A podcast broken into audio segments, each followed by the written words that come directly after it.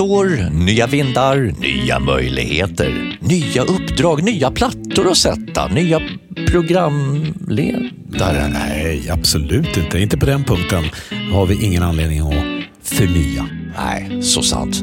Är du laddad för ett nytt rafflande kakelpottsår då, broder? Om jag är. Men eh, vi ska inte fälla in backspeglarna riktigt än, tänkte jag. Nej, vad menar du nu? Nej, men jag tänker att vi ändå kan plocka upp lite godsaker ifrån eh, fjolårets avsnitt och minnas lite grann. Det kan ju vara så att en del lyssnare faktiskt inte har hört alla avsnitt. Eller kanske man har kommit in på Kakelpodden i år först. Och då är det bra att få lite, ja, lite i backspegeln för att se, okej, okay, det där behöver jag lyssna in mig på. Mm, smart, smart. Vill du lyfta något redan nu innan vi går vidare? Eller? Ja, varför inte? Eh, den stora grejen det var ju att de nya branschreglerna de landade ju på bordet i början av 2021 och de är ju fortfarande högst aktuella. Ja, vi släppte ju också temaavsnitt på det här som heter kort och gott branschregler, eller hur? Va? Mm. Ni vill fördjupa er i dem och de här reglerna är ju som du sa alltid högaktuella. Ja, ja visst. Och så tycker jag att det var lite kul också med ditt nyårslöfte där du skulle lära dig att flytspackla. Jag tror att det var i, ja, det var i avsnitt 18. Känns det som en potentiell blivande plattsättare? Han är inte topp 10. Han ligger ju under hälften på en 10-gradig skala. Typ en tvåa kanske, ska jag säga, som jag ser nu. Vad var det för kul med det? Det var inte alls kul det där. Nej, men det var ju ganska uppenbart. Det gick ju faktiskt käpprätt åt helvete med ditt flytspacklande. nej, nej, inget kul alls. Verkligen inte. Magnus Lundgren på Byggkeramikrådet, välkommen in per länk. Tack ska du ha, Gitte. Tack, tack. Ja, jag, jag ber om ursäkt för Marcus dåliga humor här. Ja.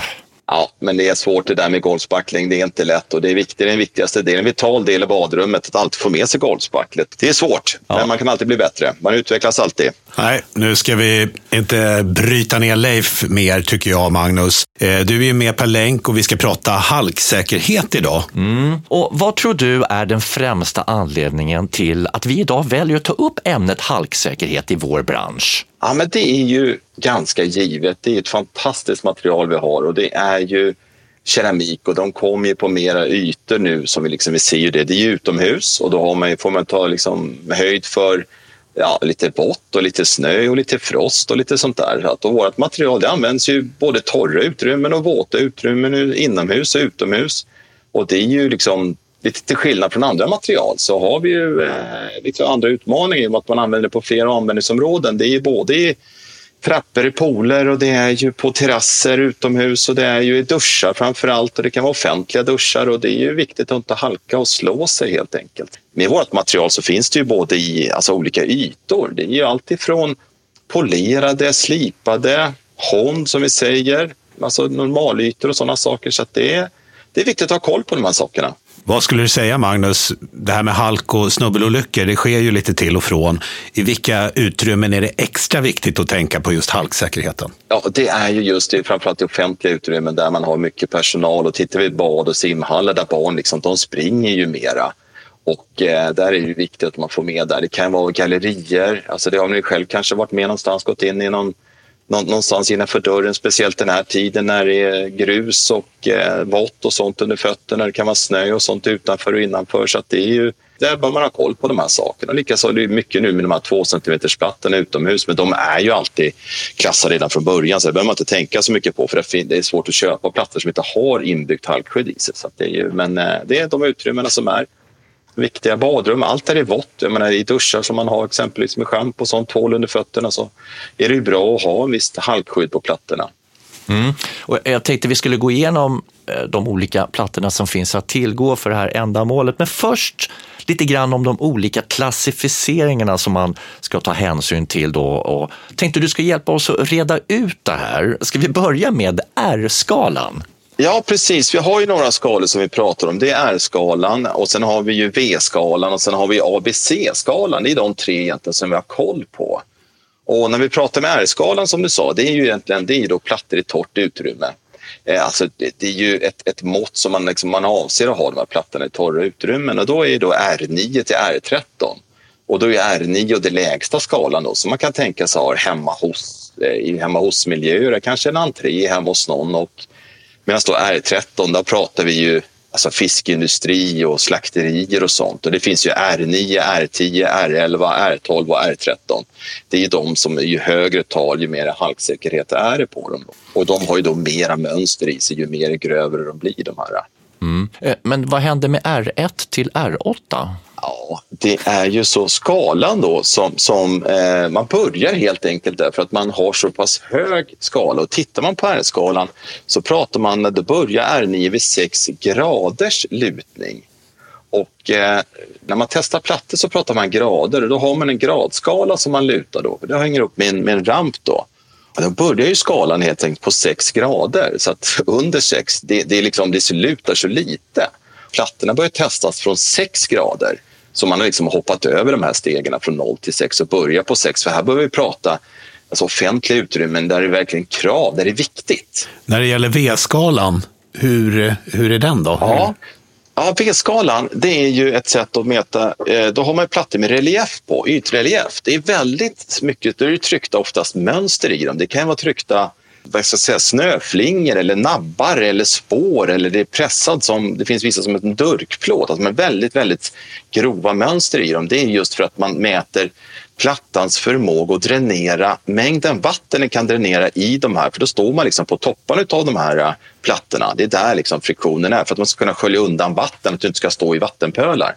Så Kort och koncist så säger man helt enkelt värdena som de klasserna baserar sig på är mått på plattans dräneringsvolym centimeter kvadrat decimeter. Det är ju liksom den tekniska formen på just de här plattorna. Och helt enkelt så mycket vatten som kan rymma sig på plattans yta till reliefens högsta punkt. Mm. Vart det för tekniskt för dig Gitte nu eller funkar det? Hänger du med? Ja, alltså jag förstår exakt allt vad du säger, men jag skulle också vilja att du reder ut ABC-skalan. Då pratar man ofta, oftast pooler eh, som man är inne på. Vattenbjutna barfotagolv. Det är ju, vi säger pooler för man väldigt sällan man badar med dojorna på sig. Men eh, det, det kanske du gör Jette, jag vet inte. Men jag gör det inte i alla fall. Och då har man ju återigen den här eh, liksom, halvsäkerhetsgrupperna A till C. Och då är A den lägsta eh, som man har. Och då pratar man ju barfotagolv, då, torra utrymmen, omklädningsrum, bassängbottnar. Liksom det, det är där då man har en A-klassificering. Då. Och går man på B, då pratar man duschar, eh, golv runt bassänger, för där springer man. Då går man upp då i vad heter det, halksäkerhet, för där har man ju barn springer som jag sa tidigare. De springer runt poolerna och det är lätt att halka. Då vill man ha ett bättre grepp i plattan. Då. Och C då, då är det trappor som leder ner i bassängen som inte omfattas då av eh, övriga ytor. Så man köper man till en pool, då ska man ha koll på de här grejerna. Vilken platta ska sitta vad? För ofta så kan plattan komma i samma färg, men den kan ha A-klass, B-klass och C-klass. Och det står ju tryckt på kartongerna och det vet ju leverantörerna. Men det har hänt att en plattsättare tycker att ja, den här är väl lite halvsäker. då, men då kan skillnaden vara mellan B och C, att det är just i trappan i poolen, där ska det vara en C.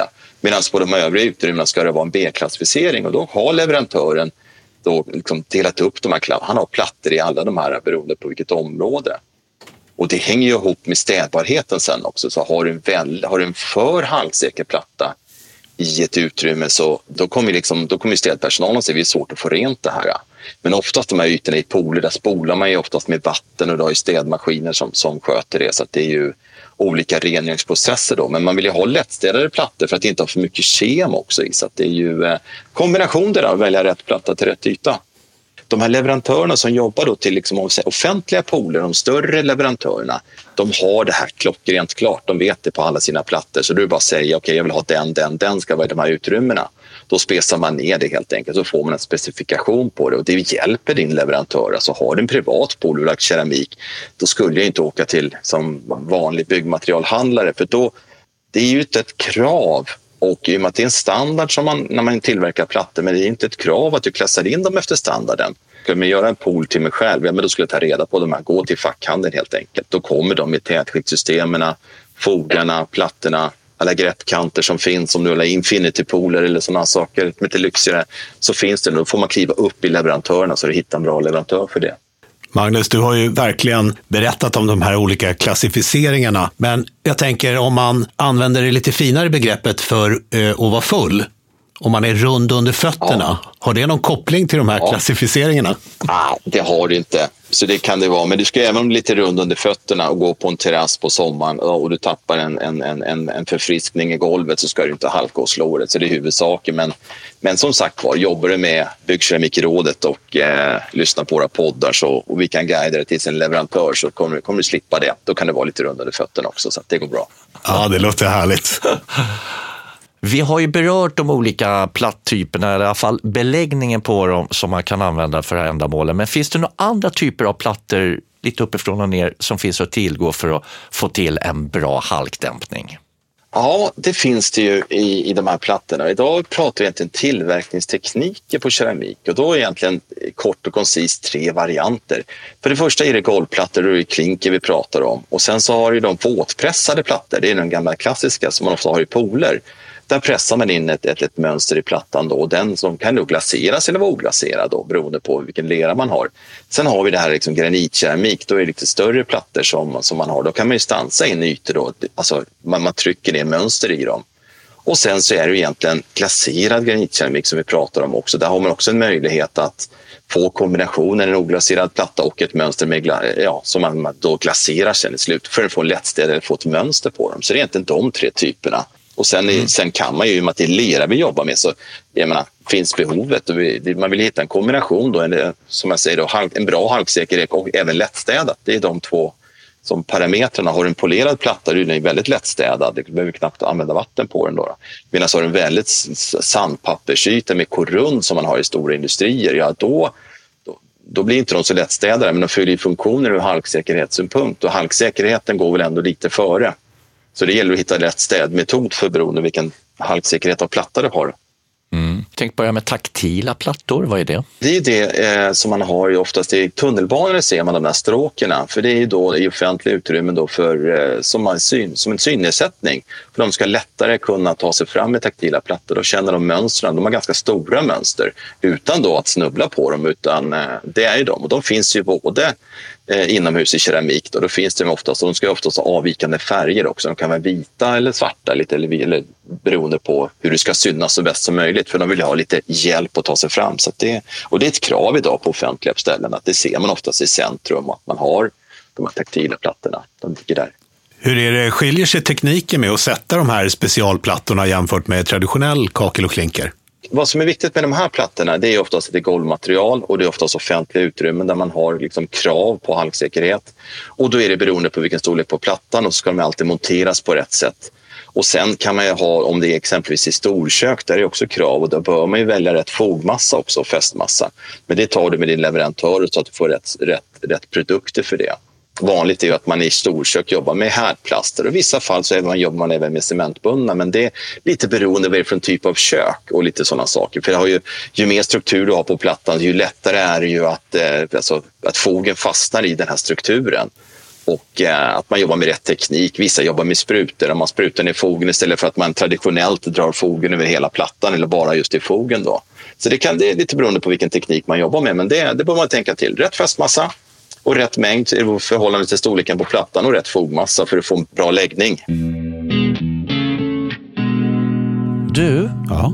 lite annat från förra årets kakelpoddsavsnitt som vi har lärt oss en hel del av var ju hur man löser nischer och kluriga situationer, lite ja, kuvertskärning, rörtrummor och sånt. Lite stök och bök i avsnitt 17 2017. Mm, just det, just det.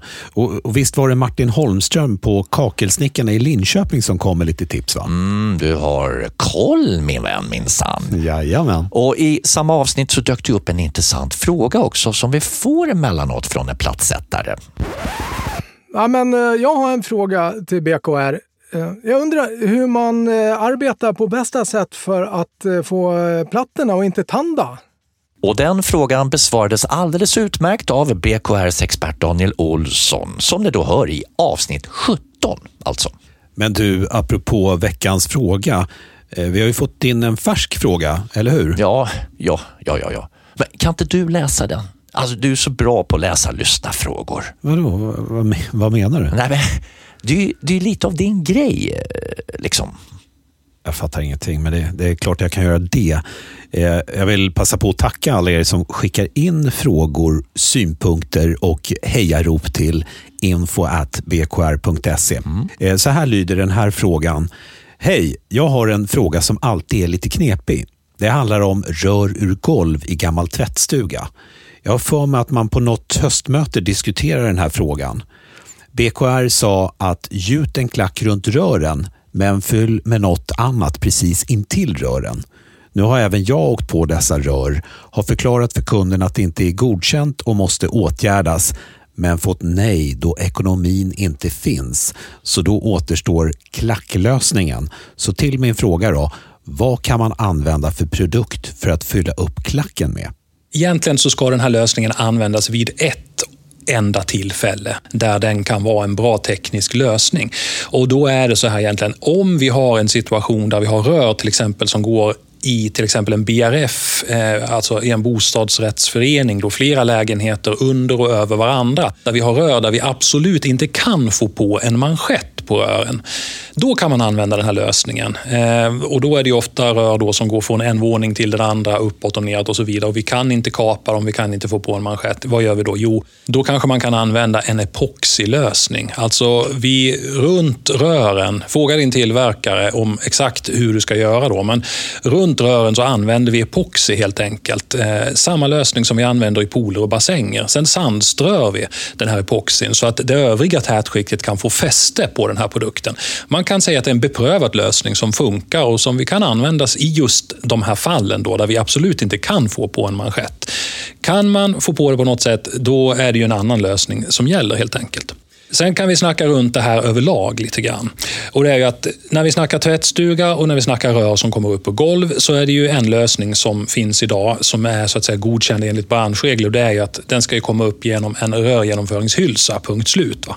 Kan man då inte av någon anledning lösa det, ja, då får man hitta en annan teknisk lösning. Eh, och då ska man ju snacka med sin tätskiktsleverantör också. Att de står bakom den lösningen som man då tänker använda så att den blir fackmässig så att säga.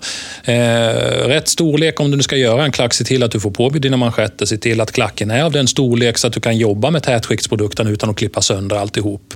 Alltså, ja, tänk fackmässighet så tror jag att det går bra. Och se till att du avtalar de här avvikelserna då innan du utför arbetet och så vidare och så vidare. Ja, det är härligt att få in frågor från er lyssnare och eh, för att uppmuntra er att skicka in fler frågor eh, eller synpunkter så vill jag ge adressen igen till Kakelpodden. Det kan ju vara någonting som du tycker att vi ska ta upp, ett ämne eller någonting som är lite klurigt. Eh, då är mejladressen alltså info bkr.se. Klart som korvspad, Marcus. Jajamän. Men vi tar och fäller ut backspegeln igen, för det är kul, tycker jag. Jag har lärt mig nämligen vad som är skillnaden mellan att vara en behörig och auktoriserad platssättare. Du, det är bra. Men du, innan vi går vidare med det, fälla ut backspegeln. Mm. Hur går det till? Ja, men man tar den fysiskt med valfri hand, höger eller vänster, och så fäller man ut den. Det är ofta en, två eller tre hack. Men, men backspegeln, är det inte den man har uppe som man tittar i? liksom? Bakåt. Köpte du ditt körkort på nätet eller? Vad kallas den spegeln? Ja, men du har ju, det är ju mittback, du har ju sidobackspegel vänster, sidobackspegel höger och så har du en mittbackspegel. Ja, okay. Du tänker så. Så det är de här på sidorna som du fäller ut? Jag då? vet inte om de heter så. Det var så jag slog fast nu, att de bör heta så. Ja, ja. Vi lämnar det. Du, I vilket avsnitt var det här med behörig och auktoriserad platssättare? Ja, det var nummer 22. Okay. Och vi hör Mattias Kvick på MR Kakel i Tyresö. Ja, det är ganska stor skillnad. Behörigheten är ju en utbildning i att få göra tätskikt och skriva kvalitetsdokument. Och auktorisationen är en fördjupning i både ekonomi, juridik och teknik. Vänta nu här. Vad sa han mer? Jag vill ju höra mer. Fast vi kan inte hålla på och återberätta allt som sades i alla våra avsnitt i fjol, utan det är ju det är upp till er. Ni får gå in där poddar finns och så lyssnar ni på tidigare avsnitten, däribland nummer 22 och Mattias hela utlägg om behörighet och auktorisation. Ja, okej, okay, där får jag göra det. Det som är bra, det är ju faktiskt att man kan gå tillbaka och lyssna. Ibland kan det ju vara så att man kanske står och jobbar med någonting klurigt och så missar man att lyssna. Mm. Då kan man ju faktiskt lyssna igen. Alla kan. Ja, precis. Okej. Okay. Ja, men då säger vi hej och välkommen till Ralf Gerard per länk den här gången. Ralf är ju VD på Byggkeramikrådet. Hej, hej. Hej, hej. Du, vi undrar ju såklart om det finns något uppe hos er på Byggkeramikrådet som ni tar med er ifrån kakelåret 2021. Det finns ju mycket eh, vi tar med oss, eh, men jag kan väl lyfta fram några saker. Eh, den första grejen är ju att vi, vi faktiskt har lärt oss en hel del om våra nya branschregler. För de firar ju i princip ett år. Vi släppte dem årsskiftet 2021. Där finns det hela tiden saker att lära sig och förklara och förtydliga och allt sånt där. Så det är ett ständigt pågående arbete. Eh, men den stora saken är väl annars att vi har lärt oss en hel del om det här med digitalisering. Där har vi väl kan man säga blivit jätteduktiga på att ställa om och ställa tillbaka. Ungefär så som samhället också har sett ut. Säga, man har ju stängt ner samhället och så har vi öppnat upp det. Och det har gjort att vi har haft fysiska kurser och sen gått tillbaka till digitala kurser och så lite fram och tillbaks. Så det där vill vi bli duktiga på. Vi har också till och med byggt en studio på kontoret eh, för att kunna möta den här kursefterfrågan som fortfarande är hög, även nu in på 2022. Så att, eh, ja, digitalisering och ställa om och ställa tillbaka och lite så här, det skulle jag säga, det är det vi tar med oss mest ifrån från 2021. Mm. Jag tänkte att vi ska lyfta blicken nu och titta framåt. Vad kan vi se fram emot under det här året? Bland annat hybridmöten, precis som vi pratade om. Vi kommer att ha digitala och fysiska såna här möten och kurser, precis som, som vi redan har dem. Så att det kommer vi fortsätta med. Närmast här då, så kan jag nämna att vi har precis förnyat ett avtal med, med Choice-kedjan för våra medlemsföretag. Så att där är det återigen rabatter. Nu kanske inte det är så aktuellt att, att utnyttja hotellavtalet just nu, då. men när det öppnar upp igen lite och man kanske reser, då kan det vara bra att och gör det. Och vi kommer skicka ut eh, information om det, hur man bokar på det och hur man nyttjar avtalet. Eh, sen har vi ju faktiskt Kakelplattans dag eh, som vi ska fira för andra året här nu som är ja, om ungefär en månad, den 23 februari. Då är det dags för Kakelplattans dag, så då får ni hålla ut, utkik i medier och lite överallt. Sådär. Och så har vi som vanligt då ett årsmöte. Eh, I samband med det så kommer jag också Eh, jag kan inte berätta så mycket mer om det, men vi kommer också instifta kakeldagar. Eh, det är något helt nytt här som vi tänker prova, men, men jag får återkomma lite mer till vad det är, och vad det innebär och, och lite så. Men, men kakeldagarna är något nytt som, som ni har att se fram emot, ni som lyssnar. Eh, men den kanske den absolut största grejen som är, det är att vi, vi håller på fortfarande och jobbar med en ny hemsida som vi ska försöka att lansera här till sommaren. Så att eh, hemsidan är den stora grejen här. Och adressen kommer fortfarande vara bkr.se i alla fall. Ja, det kommer den vara. Det, det är ingen skillnad där. Det är samma gamla härliga adress. Det låter ju riktigt eh, intressant det där, men, men jag gissar att eh, hemsidan där kommer bli mycket mer dynamisk och bättre för alla eh, i branschen att kunna ta del av information och sådär. Den kommer liksom bli både djupare och bredare och enklare, eh, allt på ett och, en och samma gång. Eh, det kommer bli liksom lite mer interaktivitet både för medlemsföretagen, men man kommer kunna hantera vissa saker som medlem. Oavsett om du är KAF eller PER-medlem så kommer du kunna hantera vissa saker själv. Eh, men du kommer förhoppningsvis bli mycket mer inspirerad utav utav det materialet som vi faktiskt jobbar med, om vi säger kakel och klinker. Det är ett litet annat språk på hemsidan den här gången jämfört med tidigare. Så är det. Kommer de här BBV-filmerna följa med in i den nya hemsidan? Ja, absolut. Eh, idag ligger de egentligen bara på ett ställe på vår hemsida, men, men i den nya hemsidan under den delen, då kommer de ligga ja, dels på ett ställe såklart, men också lite beroende på ämne. Det vill säga, pratar man till exempel om zoner, våtzoner, ja, då kommer den ligga under den textdelen där kanske våtzoner, där vi pratar om våtzoner, så kommer den även ligga under traditionellt under branschregler och så. Så att man kommer liksom hitta och länka det här på flera olika sätt. Det är också en, en del i det här nya som, som är på hemsidan. Jag kan också passa på att säga att vi, vi, vi kommer ju att eh, spela in flera filmer under hela året, så det har vi också sett fram emot under 2022. Ja, men spännande. Det är alltid bra att kunna ta till sig kunskap på olika sätt via podd, via film eller via text om man föredrar det. Är det någonting mer som du vill eh, berätta om som står på agendan 2022 innan vi säger hej? Då kan jag avslutningsvis säga att vi ser också fram emot att det kommer komma ännu flera härliga avsnitt av Kakelpodden. Vad mer har vi lärt oss från avsnitten från 2021? Jo, vad det innebär att tröskel och karm ska vara i liv med beklädnadsskivan som det står om i de nya branschreglerna pratar vi om i avsnitt 18. Mm, just det. Något annat? Definitivt. En av de viktigaste lärdomarna bjöd ju advokat Lennart Åhl på i avsnitt 23. Just det, Lelle ja. Eh, och vad var det nu igen? Jo, hur viktigt det är att skriva avtal, att undvika så gott det går att påbörja ett uppdrag utan att innan ha skrivit avtal och formulera det dessutom så korrekt som möjligt. Ja, just det, det där är ju jäkligt viktigt. Eh, något mer? Mm.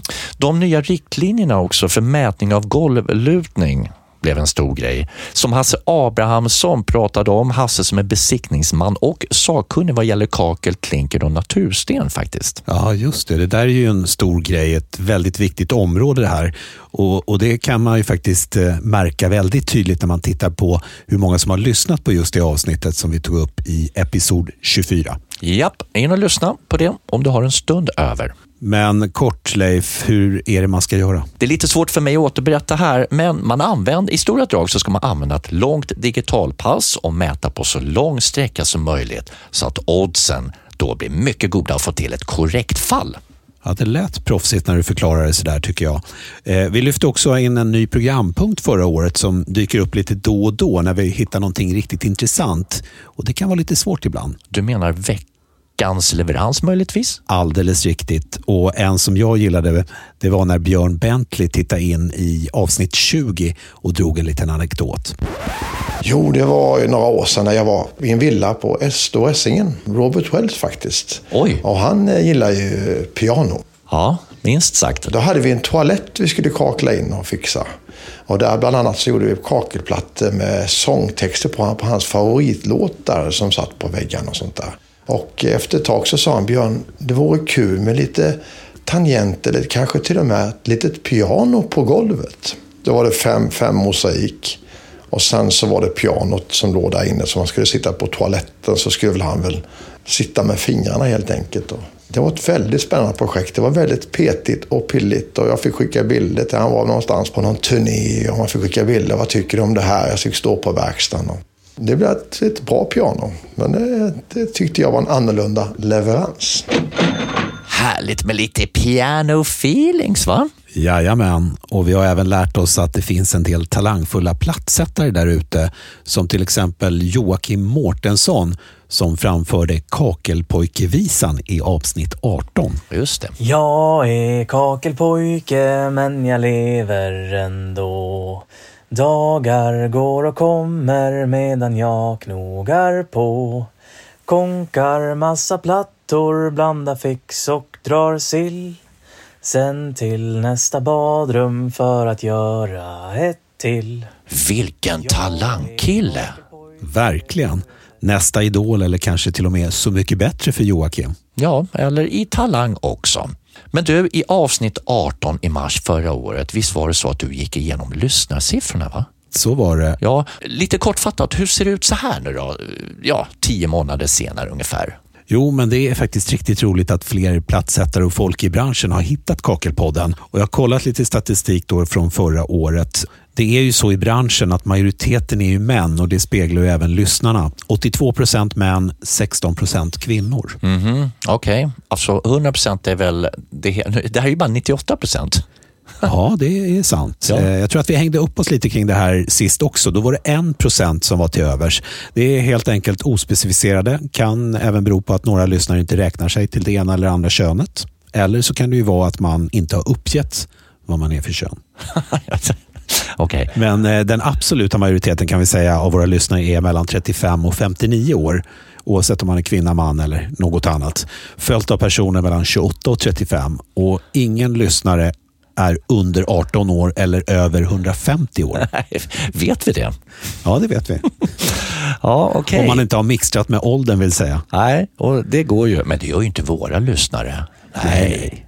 Ja, nej, men det låter rimligt och ja, som en bra mix åldersmässigt. Du, vi har en hel del kändisar också faktiskt som lyssnar på Kakelpodden som vi har hört några exempel på i tidigare avsnitt, bland annat den här mm. personen. Tjena, det är Dr. Rabban. Idag var jag förbi Tatawa Spybar och då kommer jag huvudet och så kommer jag till Kakelpodden. Men den måste bli som fan. Alltså den funkar. Dr. Alban i all ära, men det är inte hans låtar våra lyssnare går igång på. Va? Det här är ju döbra. Kanske du tycker, men inte våra lyssnare. Vet du vad de helst lyssnar på, eller gjorde i alla fall under 2021? Ja, förra gången var det ju bland annat Eddie Meduza som låg i topp, va? Ja. Jag gissar att det har seglat upp något från kanske Så mycket bättre. Mm. Arvingarna kanske? Nej. Du menar allvar alltså? ja, nej. Ja, det stämmer ju. Det Arvingarna. stämmer ju. Arvingarna, Sabaton, Johnny Cash, Jonossi, vet jag faktiskt inte riktigt vad det är. Thomas Stenström. Och Thomas Stenström och Arvingarna, eller frontfiguren i Arvingarna, var ju båda med i Så mycket bättre under förra året. Kul. Och det blir ju intressant att se vilka som toppar listan nästa år när vi summerar 2022. Men innan vi gör det så kommer ni, kära lyssnare, tagit del av en massa spännande nyttigheter här i Kakelpodden. Så det är bara att lyssna vidare under hela 2022. Härligt, härligt. Och vi som har tagit er igenom det här avsnittet heter Leif Getelius. Det kan vara så att det är någon som har reagerat på att Mange, Magnus på BKR kallar det Gitte. Ja, Det kan man ju säga. Leif Gitte Gittelius kanske. så är det. Och jag heter Marcus Trautman. Och då säger vi som plattisen Janne säger, satt platta sitter.